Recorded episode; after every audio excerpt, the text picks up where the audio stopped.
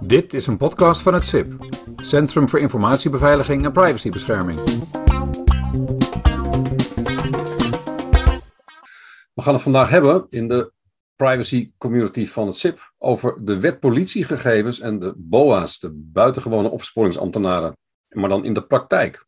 En uh, de twee dames die ons daarin gaan leiden zijn Suzanne Franke en Roswitha Talen. Suzanne Franke is zelfstandig trainer en schrijver van het praktijkhandboek WPG, Wet Politiegegevens voor BOA's. En Suzanne gaat in gesprek met Roswitha Talen. Die doet een heleboel dingen op privacygebied, maar zij is onder andere beleidsadviseur wet en regelgeving bij de gegevensautoriteit van de nou ja, landelijke politie. Dat mag je niet zeggen landelijk, maar bij de politie op het hoogste niveau. Uh, zij gaan samen in gesprek met jullie langs een aantal praktijkvoorbeelden. Uh, maar ik hoop dat jullie het interessant vinden. En ik wil ehm, eigenlijk Suzanne en Roswitha vragen om het stokje hierbij over te nemen. Ja, leuk dat, dat jullie allemaal hier bij elkaar zijn. Waar hebben we het nou eigenlijk over? De wet politiegegevens voor BOA's is al een tijdje van kracht, sinds 2019, waar, waar de BOA's vroeger onder de wet beschermd persoonsgegevens werkten. En um, wat belangrijk is, is dat de WPG dus geldt als de BOA bezig is met zijn opsporingstaak. BOA's hebben vaak ook een rol als toezichthouder of soms als incidentbestrijder, bijvoorbeeld bij de ProRail en NS. Uh, maar het gaat echt alleen maar om de gegevens die de BOA uh, ja, in zijn rol als, uh, als BOA verwerkt. Dus dat is best lastig, want dat betekent dat hij zijn andere werkzaamheden, als het om persoonsgegevens gaat, onder de AVG moet doen. En dat is anders dan bij de politie. Dus dat vergt al wat extra inspanning. Dan is het zo dat uh, gegevens vallen of onder de WPG of onder de Algemene Verordening Gegevensbescherming, die eigenlijk voor het merendeel van organisaties en instellingen geldt. En um, ja, op het moment dat je zeg maar, als politie of als BOA gegevens onder de WPG verwerkt, en je verstrekt ze bijvoorbeeld aan een partner, hè, wat vaak gebeurt is bijvoorbeeld verstrekking aan de burgemeester, dan uh, veranderen die gegevens van hoedanigheid. Dus dan krijgen ze daar het AVG-label. Uh, maar dat, ja, dat verandert dus niks aan de verwerking door de BOA zelf. Die gegevens vallen nog steeds onder de uh, wet politiegegevens.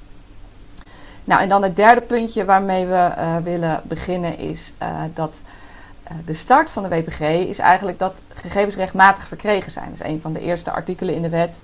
En vaak krijg ik de vraag in trainingen van, ja, mag ik die vuilniszak openmaken om te kijken of er adresgegevens in zitten en dergelijke vragen. En dan zeg ik altijd van, ja, dat vind je niet in de WPG. Dat moet je vinden in je eigen wetgeving, zoals de Natuurbeheerwet of de Wet ID of strafvordering, Wet Economische Delicten. Die bepalen hoe je rechtmatig aan gegevens kunt komen. En de WPG zegt, net als de AVG, gegevens moeten rechtmatig verkregen zijn. En vanaf dan uh, ja, gaan eigenlijk de bepalingen gelden. Dus dat zijn even drie belangrijke uh, dingen om in je hoofd, uh, in je oren te knopen. En als je dus meer wil weten over dat onderscheid tussen AVG en WPG, Walter noemde net al het praktijkhandboek, daar staat wat meer achtergrond in. Nou, wij gaan dus een aantal tips met jullie doornemen. Eigenlijk dingen die zowel Rosita als ik ja, in de dagelijkse praktijk bij het geven van trainingen tegenkomen. En denken van, nou, daar, daar kunnen jullie voordeel mee doen. En Rosita, dan geef ik het woord aan jou. Dankjewel, uh, Suzanne. Ja, wat Suzanne net al zei, wij gaan niet uh, de hele WPG met jullie doorkouwen, maar we gaan dat doen aan de hand van 10 tips. En we starten met de eerste vijf. Want waar gaat het nou eigenlijk over? Wat zijn nou de 10 tips voor, voor een organisatie die echt belangrijk zijn als je uh, BOA's in dienst hebt? Dat begint eigenlijk met wie zijn dan je BOA's? En, en waar zitten die in je organisatie? Wat voeren zij uit? Hoeveel zijn het er?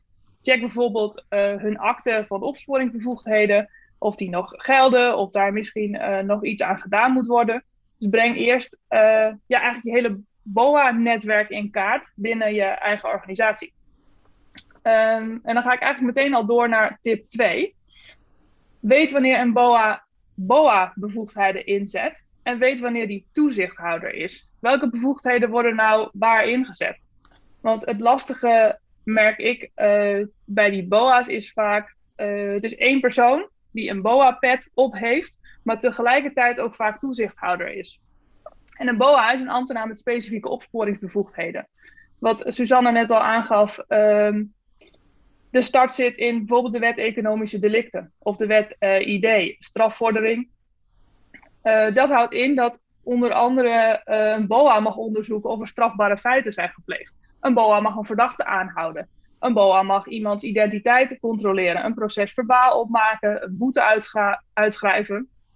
En in tegenstelling tot de politie, de politie heeft een algemene opsporingstaak, heeft een BOA die beperkte opsporingsbevoegdheid.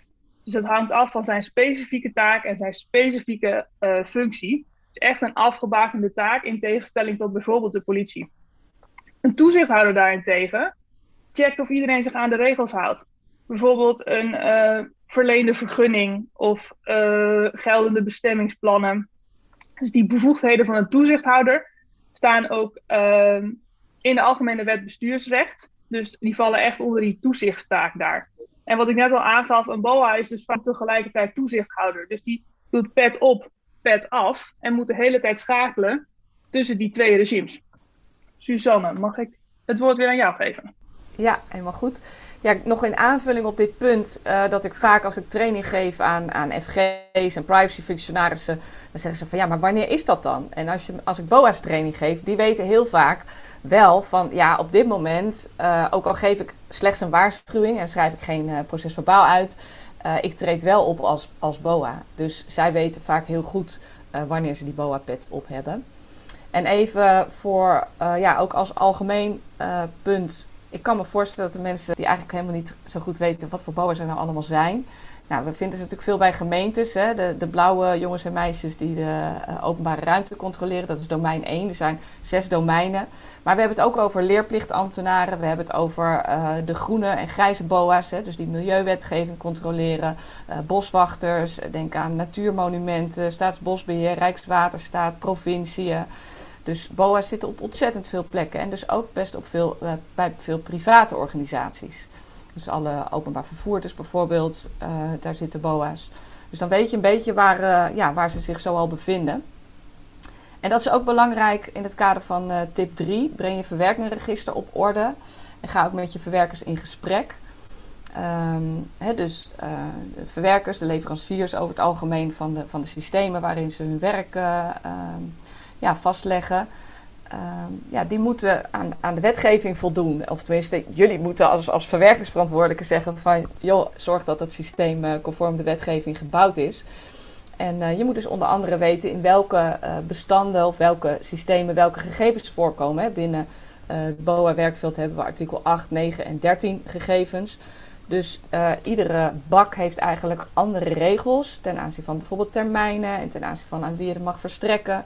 Dus dan moet je ook weten in welk systeem je welke gegevens uh, ja, kunt verwerken, zodat je je ook aan die regels uh, kunt houden. En er zijn een aantal leveranciers die wat uh, ja, wakker zijn geworden en zeggen van oh, we moeten hier iets mee. Ehm, dus gebruik dat ook bij aanbestedingen en ja, zorg dat ze een verklaring kunnen afgeven welke functionaliteit in de systemen zitten. En dat begint natuurlijk met het op orde brengen van het verwerkingsregister. En nou, onze eerste tip uh, helpt er al bij dat je weet welke BOA's je hebt, in welke systemen ze werken en waar dan welke gegevens in voorkomen. Ik heb even een vraag, Suzanne en Rosita. Ja. Wanneer spreek je nou van opsporingstaken? Kun je dat toelichten en een paar voorbeelden geven? Wanneer spreek je van opsporingstaak? Ja. Um, nou, dat is over het algemeen als, als je als. Uh, we hebben het dan echt alleen over de BOA's. Als je dus als BOA kenbaar maakt en zegt van ik ga nu strafrechtelijk doorpakken in eerste instantie ga je bijvoorbeeld een horecacontrole doen. Dat doe je dan als toezichthouder. En dan kijk je of de deuren uh, goed kunnen openen en of de nooduitgangen niet geblokkeerd zijn. En op het moment dat je dan een strafbaar feit constateert, dan, uh, ja, dan legitimeer je jezelf als opsporingsambtenaar. En, en pak je dus door zeg maar, met je uh, bevoegdheden die je als BOA hebt gekregen. Okay. En als er verdenking is van een strafbaar feit, om het maar heel simpel te houden, het antwoord. Hè? Dus als je denkt van nou, hier is sprake van een milieudelict en dan moeten we gaan onderzoeken, dan, dan spreek je van opsporingstaak. Oké, okay. nog een heel ander soort vraag. Begrijp ik het nu goed dat gegevens die voor een BOA onder de WPG valt, bij verstrekking aan een burgemeester, diezelfde gegevens onder de AVG valt, dat een gegeven dus van regime kan veranderen? Heel goed begrepen. Ja. Ah, Twee duimpjes en een knikkend hoofd. Ja, dus. Oké, okay, dank jullie wel. Oh ja, nog als in aanvulling op dat punt 3 hadden wij, uh, Roswitha en ik, bij de voorbereiding er ook over dat uh, vaak gebeurt geautomatiseerd. Achter de schermen worden bijvoorbeeld de processen verbaal ingestuurd naar het CEB. dat is functionaliteit die die uh, ja, systemen over het algemeen bieden. En ehm, daar wil je ook een overzicht hebben van welke verstrekking heb je gedaan. Dat is een van de plichten in de WPG, de documentatieplicht. Je moet een aantal dingen registreren om eigenlijk het toezicht mogelijk te kunnen maken door een FG of door een uh, autoriteit persoonsgegevens. En dat is dus typisch iets waarvan ik zeg van nou, zorg dat, dat, dat je daar een overzicht van hebt. En uh, ja, zeker die geautomatiseerde verstrekkingen, dat moet je lekker achter de schermen regelen en niet iets handmatigs voor gaan doen. Okay, ik heb nog even een aanvullende vraag voor jou als je dit zo vertelt, Suzanne. Want bij mij komt er nu even de vraag naar boven. Uh, de meeste mensen die kennen de term FG. Uh, maar er bestaat ook zoiets als een WPG-FG. Hoe vaak kom je dat in de praktijk inmiddels tegen? Als er BOA's ergens werkzaam zijn, dan moet er een FG zijn voor de WPG. En de autoriteit persoonsgegevens gaat ervan uit dat op het moment dat je als organisatie, of het nou een gemeente is of staatsbosbeheer of wat dan ook, als je alleen maar één FG hebt aangemeld, dat dat ook de FG voor de WPG is. Maar je kunt ook twee FG's aanmelden. Dus je kunt ook apart zeggen van nee, wij hebben een andere persoon die de FG is voor de WPG. Oké. Mag ik nog één vraag tussendoor gooien? Gemeenten werken voor omgevingsdiensten. Of werken met omgevingsdiensten, sorry. En de omgevingsdienst voert BOA-taken, milieutaken, uit voor die gemeente. De werkgever van de BOA heeft bij mijn weten een auditverplichting. Moet de gemeente nu nog iets doen in dit kader? Ja, dat is een prachtig bruggetje naar tip 4.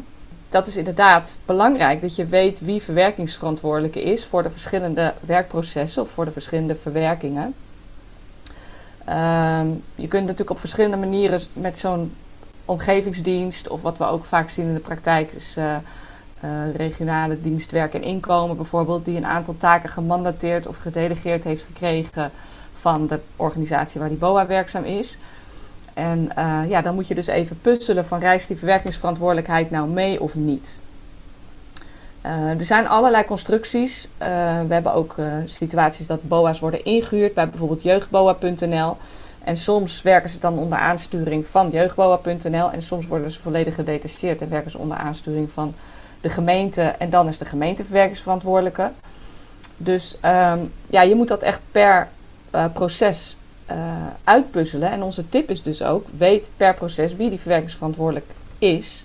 Zodat je ook weet wie de plicht heeft om inderdaad de audit te doen, maar ook de andere taken van de verwerkingsverantwoordelijke om daar invulling aan te geven. Um, ja, de VNG heeft daar een handige factsheet voor. Over de, het onderscheid tussen uh, verwerken of verwerkingsverantwoordelijke. Want soms hoor ik ook wel dat mensen zeggen dat, uh, dat ze in een samenwerking met het CIB. Dat, dat het CIB zich soms als verwerker ziet. Dus het is niet alleen de vraag wie is verwerkingsverantwoordelijke, maar zelfs ook nog wat is dan precies de constructie? Is het soms gemeenschappelijk of is die andere partij verwerker? Dus dat is echt zaak om dat uh, helemaal uit te lopen. Ja, en dan nog een tip erbij. Uh, mijn standpunt is, als je zeg maar uh, de alternatieven een proces mandateren of delegeren hebt, dat als het gedelegeerd is, dat ook de verwerkingsverantwoordelijkheid in zijn geheel mee reist. Ik heb daar ook wat in het praktijkhandboek over geschreven. Zal ik doorgaan met tip 5? Want ik krijg namelijk heel vaak de vraag: uh, joh, in die WPG is de, de rol of de functie van een bevoegd functionaris verplicht. Uh, wie moet ik dan daarvoor aanwijzen? Is dat de privacyfunctionaris of is dat de FG die ook bevoegd functionaris is? En daar hangt eigenlijk tip 5 mee samen. Bepaal eerst of er artikel 9 verwerkingen zijn. En artikel 9 verwerkingen zien op gerichte opsporing. En uh, in het algemeen kun je denk ik stellen dat in domein 1 niet of nauwelijks artikel 9 verwerkingen uh, worden gevoerd. Dus dan zou ik zeggen, bepaal of die 9 verwerkingen er überhaupt zijn. Zo niet, stel ook absoluut geen bevoegd functionaris aan, want dat is dan eigenlijk een functie of een rol die, uh, die niet nodig is vanuit de WPG. Ik kan me zo voorstellen dat domein 2, het groen en het grijs, om het even zo te zeggen, domein 5, werk, inkomen, zorg en misschien 6, af en toe nog wel eens een 9 verwerking heeft. Maar uh, domein 1 verwacht ik niet. Tenzij nu iedereen denkt, ja, maar dat is helemaal niet waar. Dus de tip is eigenlijk hier, joh, bepaal eerst even, even bepaal of er negen verwerkingen zijn. En die hangt eigenlijk samen ook met tip 3. Waar, waar zitten je verwerkingen en, en hoe zijn die verwerkingen gekwalificeerd?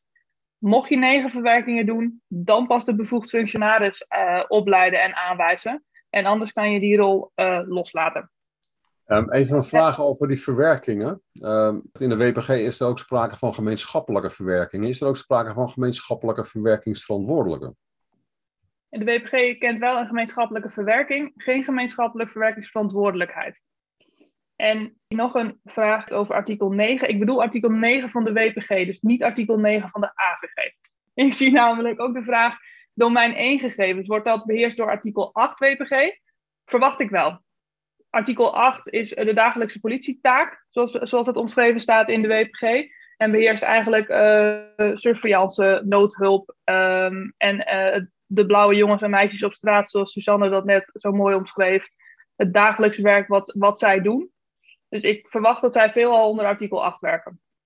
Als je het over de blauwe jongens en meisjes op straat hebt, in hoeverre zou de geheimhoudingsplicht die op politiegegevens ligt onder uh, gevolg van artikel 7 WPG de verdere, uitwerk, de verdere verwerking onder de AVG kunnen belemmeren? Met andere woorden, heb je daadwerkelijk wat aan de politiegegevens wanneer ze onder de AVG gaan vallen en je ze dan verder zou willen verwerken? Zeker, want in artikel 7, ik dacht lid 2, staat ook dat je de gegevens dus voor die taak waarvoor ze verstrekt zijn mag gebruiken. En dat kan soms ook betekenen dat je ze door kunt verstrekken aan een andere partij. Dat je ze in elk geval dus ja, kunt gebruiken waarvoor je ze hebt gekregen. En ik zie ook nog een paar vragen over artikel 9 verwerkingen, wanneer daar sprake van is.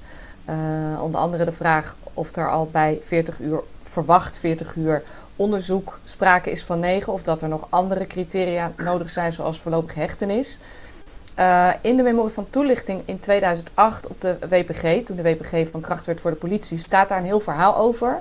De politie heeft dat vertaald in een instructie waarin iets meer richting gegeven wordt van nou als hier sprake van is, dan is het zeker 9 en dan een stuk of 6, 7 criteria. Hè, als die onderste het geval zijn, dan misschien 9. Uh, eh, maar inderdaad, een feit waar voorlopige hechtenis op toegestaan is, is per definitie wel negenwaardig. En we hebben voor de BOA ook een vertaling gemaakt van die instructie van de politie, maar meer toegespitst op het werk van de BOA.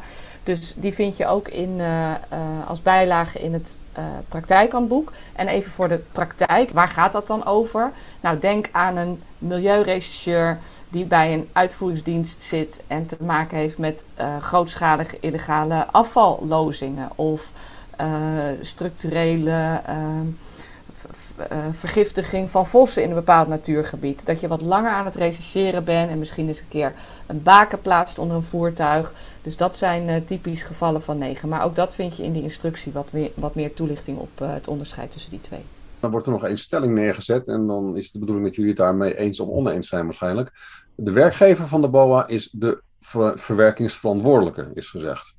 Dus als de BOA onder de uitvoeringsdienst werkt, is de uitvoeringsdienst dan werkgever en dus verwerkersverantwoordelijke?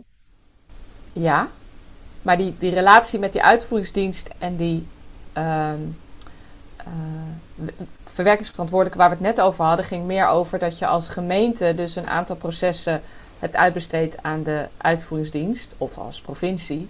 En dat je dan, en dan gaat het dus om de BOA die bij de provincie of die bij de gemeente werkt. Dus dan gaat het om de vraag van ja, is de Um, hoe, hoe is die relatie tussen die twee? Dus op welke manier zijn die taken daar uitbesteed? Maar deze casus lijkt me duidelijk, ja, het gaat om een BOA die gegevens verwerkt bij de uitvoeringsdienst. Dus de werkgever is sowieso de verwerkingsverantwoordelijke. Ja. Dus alle onderzoeken vanuit de sociale recherches en onderzoeken zoals bedoeld in artikel 9 WPG? Uh, dan is daar denk ik het uitgangspunt bij dat je langere tijd aan het onderzoeken bent. Um, maar dat weet ik niet. Het is een vrij specialistische vraag. Want bij sociale recherche. Uh, ik denk dat heel veel mensen dat niet weten, maar daar zitten regels in als uh, dat je boven de 50.000 schadebedrag hebt, dat je dan strafrechtelijk doorpakt en daaronder dat je het bestuursrechtelijk probeert af te handelen. Bestuursrechtelijk heb je uh, als toezichthouder ontzettend veel bevoegdheden, waar je zeg maar ja, vanuit de opsporing eerder een, een vordering of een machtiging van de officier voor nodig hebt. Dus ik denk dat dat dat nu te ver voert om daar heel gedetailleerd op in te gaan. We hebben een polvraag over gravity op heterdaad. Er is namelijk een APV-feit, daar schrijft een BOA procesverbaal voor uit. Eigenaar van het pand komt er buiten, super boos natuurlijk, en die wil schade verhalen, want er zit gravity op het pand. Is dat dan mogelijk om die gegevens te verstrekken aan de eigenaar van het pand? het merendeel van jullie zegt: nee hoor, die gegevens gaan we lekker houden en helemaal niet verstrekken. Nou, het is goed dat die mensen ook bij ons in de training zitten. Want hoe ga je dat nou vinden? Hoe ga je nou zoeken of iets verstrekt kan worden, ja of nee? Daar is een heel handige verstrekkingenwijzer voor. De WPG kent namelijk een zogezegd gesloten verstrekkingenregime. Dat wil zeggen, de wetgever heeft al nagedacht of iets verstrekt kan worden of niet. En dit is een vrij specifieke vraag. Dus ik neem het jullie ook niet kwalijk dat uh, jullie hier massaal nee hebben gestemd. Maar die eigenaar van het pand, waar al die uh, gravity op zit, is een benadeelde van een strafbaar feit. Het is namelijk strafbaar om een heel uh, pand te begliederen. En we hebben dat even voor jullie opgezocht. Benadeelde van strafbaar feiten of schending van de openbare orde kunnen verstrekt worden aan de benadeelde zelf of de verzekeraar om schade te verhalen. En dat staat in artikel 4.2 eerste lid onder N van het besluit politiegegevens. En uh, dit staat dus ook heel handig in zo'n verstrekkingenwijzer, waar het gewoon in, in een Excel-sheet eigenlijk onder elkaar staat. Dus je hoeft echt niet elke keer het hele besluit erbij te pakken en al die wetteksten door te bladeren. Want de tip hierbij is eigenlijk, pak de verstrekkingenwijzer. Kijk of de uh, partij aan wie je gegevens wilt verstrekken in de, in de verstrekkingenwijzer staat. In dit geval, uh, dat pand was beklad, benadeelde strafbaar feit. Wat mag je dan verstrekken? Artikel 8 en artikel 13. Nou, we hebben net al een discussie gehad over wat is nou artikel 8 en wat is nou artikel 9. Hier zie je dus heel duidelijk het onderscheid om die verwerkingen goed in, uh, in kaart te brengen. Want eigenlijk mag je alleen maar artikel 8 en 13 verstrekken. En natuurlijk mag je alleen maar verstrekken wat noodzakelijk is. Klinkt eigenlijk heel logisch. Je kan niet zeggen, nou hier is ook een linkje naar ons hele uh, systeem en trek het er zelf maar uit. Klinkt een beetje flauw. Maar denk dus naar wat heeft die verzekeraar nodig om uh, zijn schade te verhalen of deze benadeelde en verstrek alleen dat. En je mag dus ook gegevens verstrekken voor het starten van een civiel proces om je die schade te verhalen. En wat ik net al zei, die noodzakelijkheidstoets die, die vertaalt zich natuurlijk naar proportionaliteit en een subsidiariteitsafweging. Suzanne, heb jij daar nog iets op toe te voegen? Ja, ik wilde er nog wel iets aan toevoegen. Want ik denk dat heel veel mensen die nee hebben gezegd, die roepen dingen als... Uh, ja, maar je moet je toch voegen in het strafproces en dat moet toch zo geregeld worden? Of dat kan toch alleen maar via, het, uh, via justitie en dat kan toch niet door de BOA zelf?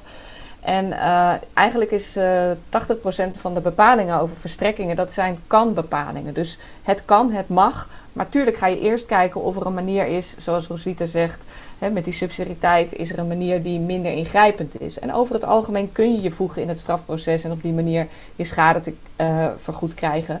Maar stel nou dat er een situatie is dat dat om wat voor reden dan niet kan. Hè. Er zijn natuurlijk ontzettend veel benadeelde uh, soorten zeg maar, te, te bedenken weet dan dat die mogelijkheid er dus wel is. Dus je hebt gewoon vanuit de WPG de optie om te verstrekken. Nou, er zijn wel een paar opmerkingen hierover. Uh, iemand zegt, mag of moet het dan direct op het moment dat de bewoner naar buiten komt?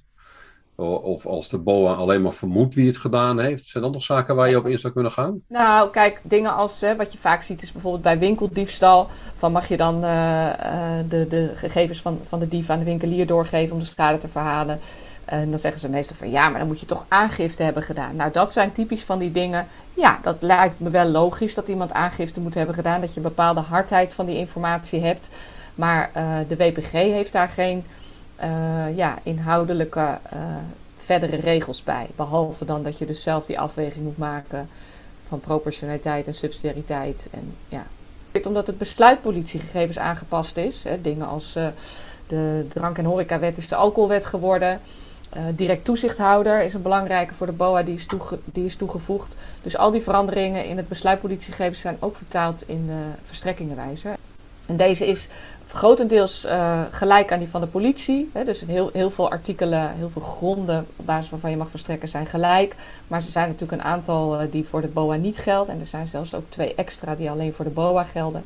Dus die staan in de verstrekkingenwijzer. En het schabloontje van, van het BRS, het bouwregistratiesysteem, zegt dat uh, ja, de, de, de stuk of honderd werkgevers die dat systeem gebruiken, die hebben gezegd wij willen dit hebben, want wij willen die functionaliteit ook in het systeem hebben.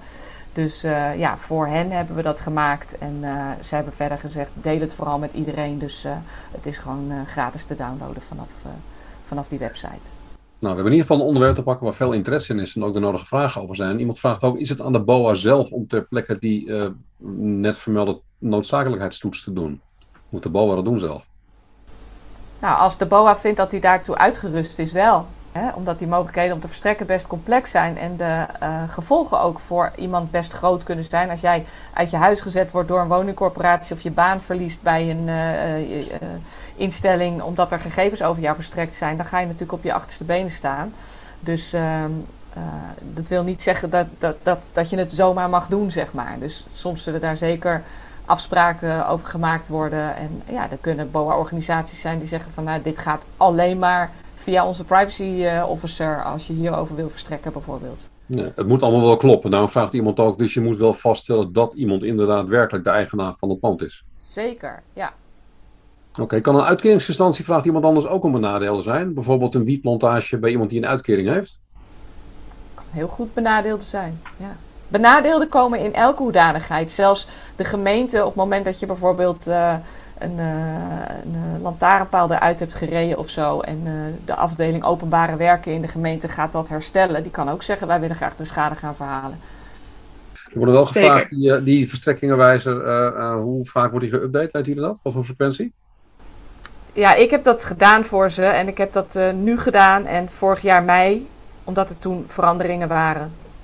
Dus uh, het is, ja, één keer per jaar. Net als het okay. praktijkhandboek, dat beoog ik ook één keer per jaar. Dan doe ik in één keer alles. Uh, ja. Oké, okay, dank jullie wel. We hebben de plicht tot delen. En dat was toen de WPG kwam. Uh, was dat tussen de toenmalige korpsen ook best wel even wakker worden van, oh ja, dat betekent nogal wat. Maar dat is ook de oorspronkelijke doelstelling van de wetgever geweest. Laten we zorgen voor betere opsporing, doordat we een betere informatiepositie met elkaar uh, krijgen en dus met elkaar delen. En daar moet je natuurlijk wel het een en ander voor regelen. Onder andere zorgen dat BOA's inderdaad een akte hebben en opgeleid zijn. Uh, maar er is inderdaad uh, de plicht tot delen. Dus vroeger viel de BOA buiten de WPG en kon de politie aan ze verstrekken. Dat was al op grond van artikel 16 van de WPG. En nu valt de BOA onder het WPG-domein. En daarmee vallen dus de BOA's, de vier bijzondere opsporingsdiensten, de FIOD, de SIOD, ILT, IOD, nog eentje, politie en de Rijksrecherche. Daar geldt de zogenaamde free flow of information. Er zijn wel weigeringsgronden. Hè, dus soms kun je zeggen van nou, dat uh, kunnen we niet verstrekken, want veiligheid in het gedrang of andere argumenten. Maar vaker is het zo van nou, je, je kunt het wel krijgen, maar we moeten eerst nog een, een aanhouding doen of een verhoor doen. Dus er is inderdaad de plicht tot delen. In tegenstelling tot wat we verstrekken noemen, dan gaan de gegevens dus naar buiten het WPG-domein. Dat geldt dus voor al die instanties, dus ook voor die BOD'en en de KMAR en de Rijksrecherche en de politie. Die mogen allemaal verstrekken aan een hele lijst instanties die je dus in de verstrekkingenwijzer vertaald ziet. Um, en bovenin zie je nog twee pijlen die alleen naar de BOA gaan. Dat gaat dus om specifieke verstrekkingsgronden die alleen voor die BOA gelden. En binnen dat roze vlak is het dus de verplichting tot delen. En daarbuiten met het verstrekken is het, uh, nou, ik denk wel meer dan 80, misschien wel 90 procent zijn het kan-bepalingen. Dus er zijn maar een paar verstrekkingen die verplicht zijn.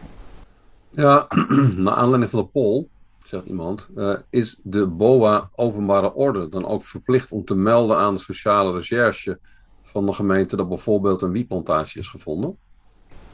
Is die dus het zijn beide BOA's. En diegene heeft dat nodig voor zijn werk om zijn werk goed te kunnen doen. Of is het een verstrekking? Ja, ja, ja, ja. ja, uh, dan zou ik ja zeggen. Waar valt het OM onder? Die staat hier niet bij. Verstrekken. Verstrekken. Ja, dus, uh, um, dus dat is gewoon, uh, je, zeg maar, je, je reguliere zaaksoverleg bijvoorbeeld is verstrekken op grond van artikel 16.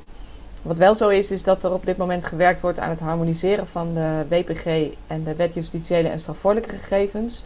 Omdat er uh, ja, een aantal bepalingen zijn die in de ene wet wel zitten en in de andere wet niet. Dus ze willen daar wat meer lijn in aanbrengen. Uh, maar iedere, ja, ieder gegeven dat eigenlijk uit het WPG-domein gaat, dus naar een andere partij, uh, dat wordt verstrekt. Even nog teruggrijpen op het verhaal van artikel 9. Uh, Eén vraag uh, die we nog even op het hoofd hadden gezien. Is een onderzoek van meer dan 40 uur zonder voorlopige hechtenis? Is dat nou artikel 9 of 8? Ja, ik zeg 9. Maar ik zou vooral uh, de tip geven om die instructie te lezen. Want. Ja, die instructies hebben we ook gemaakt, ook toen bij de politie, om mensen op weg te helpen.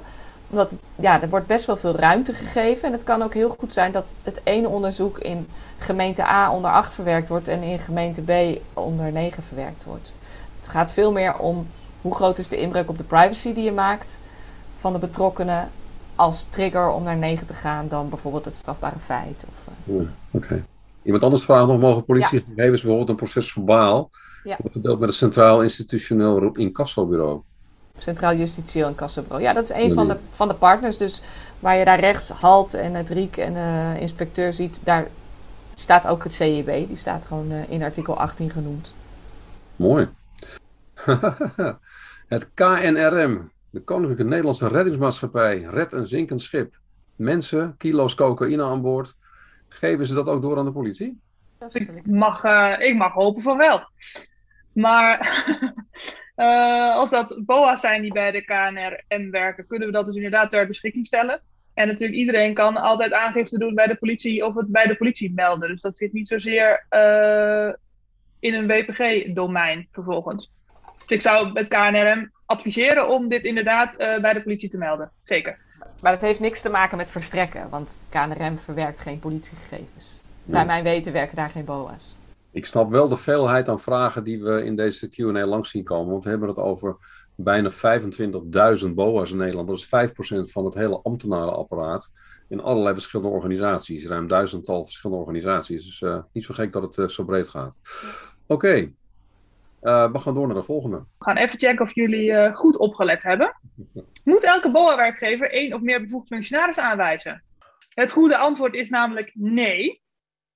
Dat moet niet elke BOA-werkgever doen. Want we hadden net in een van die eerdere tips, tips 5, volgens mij met z'n allen bepaald. We gaan eerst bepalen of we artikel 9 verwerkingen doen. En als we die artikel 9 verwerkingen niet doen, hoeven we ook die bevoegd functionaris niet aan te wijzen. Want waarom zou je een bevoegd functionaris aanwijzen? En een bevoegd functionaris, ik vertaal het altijd een beetje met de eigenaar van de schoenendoos, voor zover je van eigenaarschap eh, kan spreken. We hebben een schoenendoos, er zit allemaal informatie in, allemaal onderzoeksinformatie, botmiddelen, tapgesprekken, één grote doos. En die bevoegd functionaris die bewaakt eigenlijk die doos. Die zegt, joh, ik ga nu eh, die schoenendoos openmaken en jij krijgt dit stukje informatie en jij mag dat stukje informatie. Of zit er misschien wel bovenop en zegt, nou, dit is zo spannend en geheim, eh, dit ga ik helemaal nog niet delen. Want dan loopt mijn eigen onderzoek gevaar. Dus die bevoegd functionaris is best wel een cruciale rol als het gaat over opsporingsonderzoeken.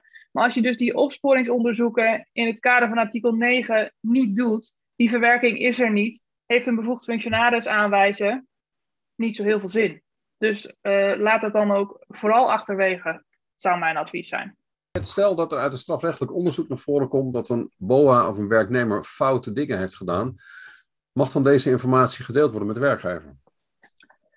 Dit is een van de meeste vragen eh, die ik krijg als. eh, was hiervoor privacyfunctionaris in Amsterdam. En wij willen altijd heel graag informatie delen met werkgevers.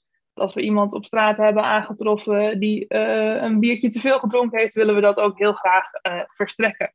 En een verstrekking aan een werkgever heeft hele verregaande gevolgen. Want als wij eh, als politie of als een BOA een werkgever belt en zegt, nou ik heb nu toch iemand van de straat geplukt. Een werkgever denkt meteen, oh, ik, ik zet die persoon op non-actief en we gaan eerst eens even een goed onderzoek doen wat hier eigenlijk aan de hand is. Dus een verstrekking aan een werkgever adviseer ik altijd heel terughoudend eh, op.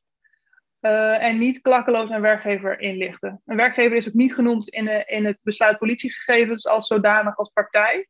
Dus dat is echt een incidentele verstrekking, noemen ze dat. En eh, vergt van casus tot casus echt een goede afweging. Van, is het hier echt zo'n casus? Is het zo eh, heftig dat we zeggen, nou, deze persoon moet echt absoluut niet werken als werkgever? Uh, ook weer die proportionaliteitstoets en die subsidiariteitstoets uh, doen. Hoe noodzakelijk is er? En echt die belangenafweging van wat gebeurt er als wij die informatie gaan verstrekken aan de werkgever? Wat voor consequenties heeft dat uh, voor een betrokkenen?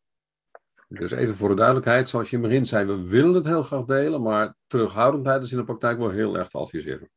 Ja, ik zeg ja. niet dat het niet kan, maar ik zou echt daar heel terughoudend mee omgaan. Oké, okay. per casus verschillend. Iemand anders die stelt dan de vraag: je kunt voorafgaand aan opsporings een opsporingsonderzoek doen, uh, toch nooit vooraf bepalen of er uh, botmethodieken zullen worden ingezet. Dat hangt er ook af van de casus. Dat klopt. Ik zeg ook niet als je eenmaal voor 8 gekozen hebt dat je nooit meer naar 9 kan. Je kan best beginnen in 8 en dan al onderzoekende denken: oh, dit is veel te groot, we gaan toch naar 9 we gaan daar toch wat extra waarborgen op zeggen, zetten, een bevoegd functionaris of iets dergelijks. Ik denk Walter dat het leuk is om naar de volgende polvraag te gaan. Want het gaat om niet-BOA's die geautoriseerd kunnen worden om politiegegevens te verwerken. En uh, daar biedt, zowel de WPG een uh, mogelijkheid voor, dus in de wet en in het uh, besluit politiegegevens BOA's, waarmee de WPG eigenlijk van kracht is geworden op het werkveld van de BOA. Beide bieden daar een, een artikel voor, een mogelijkheid voor.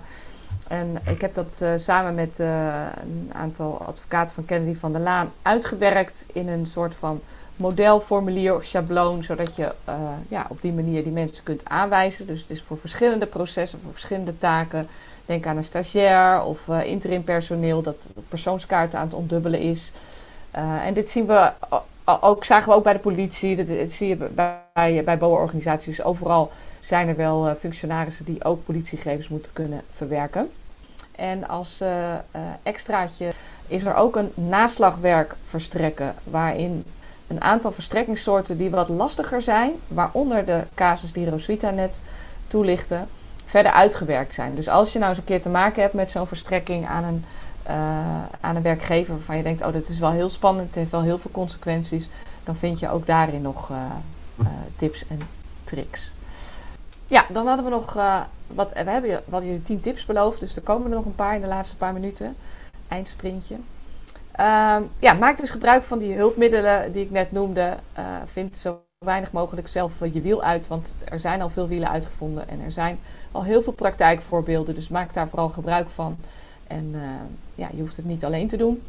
Ik zie staan afhandelen verzoeken om inzage. Dat zal de privacyadviseur gaan doen. Uh, moeten die dus ook worden geautoriseerd? En wie autoriseert dan vervolgens?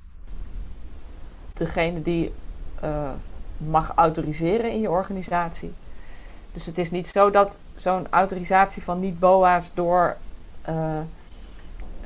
de direct toezichthouder of zo moet gebeuren. Dat doe je gewoon in je eigen organisatie. Degene die gewoonlijk ook belast is met het autoriseren van mensen. als het goed is, heb je daarover nagedacht en besloten wie, ook als het gaat om gegevens die onder de AVG verwerkt worden, wie welke autorisaties mag hebben.